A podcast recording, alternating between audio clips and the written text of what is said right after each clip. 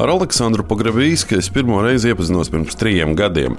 Toreiz bija apritējuši pieci gadi kopš nelikumīgā referenduma par Krimas pievienošanu Krievijai, un Aleksandrs, kā pirmā Ukraiņas kara veterāna kustības aktīvists un vadītājs, koordinēja projektus, lai Ukraiņas armijai celtu jaunas kazarmas.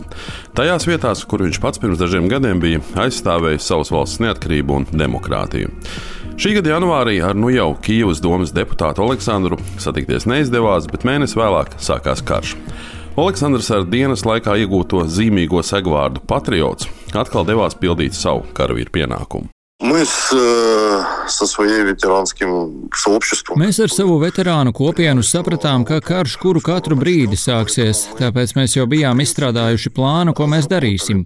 Kad 24. februāra rītā sākās karš, mēs sākām šī plāna realizāciju. Mums nebija jautājums, uz kurieni bēgt vai ko darīt. Mēs zinājām, kur satiekamies, kur pulcējamies un ko darām.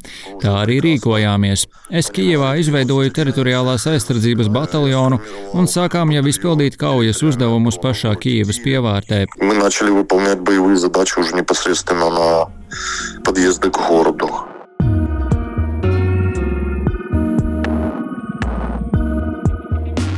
Aleksandra bataljons piedalījās aptuveni 20 tūkstošu cilvēku evakuācijā no Irpiņas pār nu jau leģendāro dzīvības tiltu.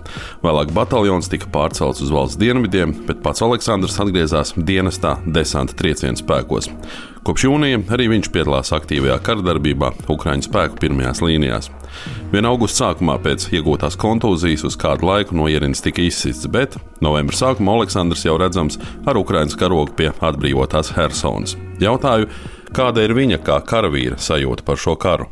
Ощущения, если брать с точки зрения работы противника, мои ощущения – Ja skatāmies no pretinieka darbībām kara laukā, tad man ir sajūta, ka tā ir muļķīga un nemākulīga karaspēka vadīšana, muļķīga un nemākulīga loģistika, kas ļauj mums sasniegt panākumus frontē. Un to mēs arī darām. Šis karš realitātē nemaz neizskatās tā, kā to stāsta internetā, ar uzvarām un pozitīvu noskaņojumu. Ja salīdzinām ar laiku, kad es dienēju Donbasā 2015. un 2017. gadā, tad var teikt, ka toreiz mēs vispār nekarojām. Tagad ienaidnieks izmanto pilnīgi visu - aviāciju, tankus, artilēriju un pat fosfora lādiņus. Tanki, artilērija, bet daži fosfornai snarjādi.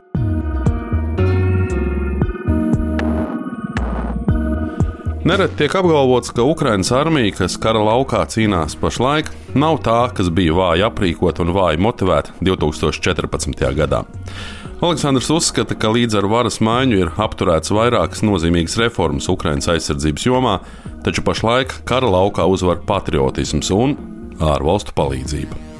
Выигрываем мы за счет больше надходжения поступления помощи западной.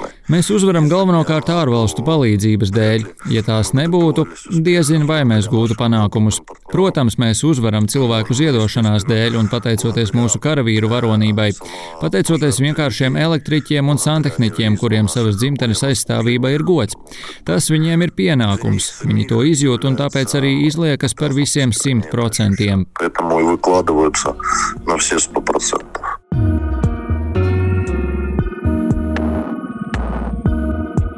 Runājot par palīdzību, Aleksandrs pirms kara bija aktīvs eksprezidenta Petro Porošenko partijas Eiropeiskā solidaritāte biedrs, un arī kara darbības laikā viņš aktīvi līdzdarbojies Porošenko fonda sarūpētās militārās palīdzības izdalīšanā bruņotajiem spēkiem.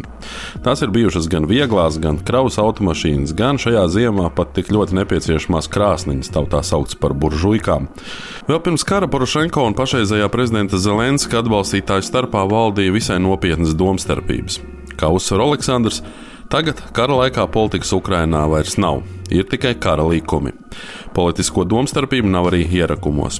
Ir tikai viens ienaidnieks, pret kuru ir jāturpina cīnīties. Я думаю, что победа ближе, чем большинство украинцев могут себе вообразить. Es domāju, ka uzvara ir tuvāk nekā vairums ukrāņu spēja iedomāties. Man pašam lūzuma punkts šajā karā bija brīdis, kad Krievijas karavīri bēga no Kīivas apgabala. Kopš tā brīža, jau kopš šī gada pavasara, mēs esam virzījušies uz priekšu un uzturējuši tempu. Galvenais to nezaudēt, un es domāju, ka jau nākamajā gadā mēs varēsim svinēt. Я думаю, что в следующем году мы уже будем праздновать. Uģis Lībijams, Latvijas Radio.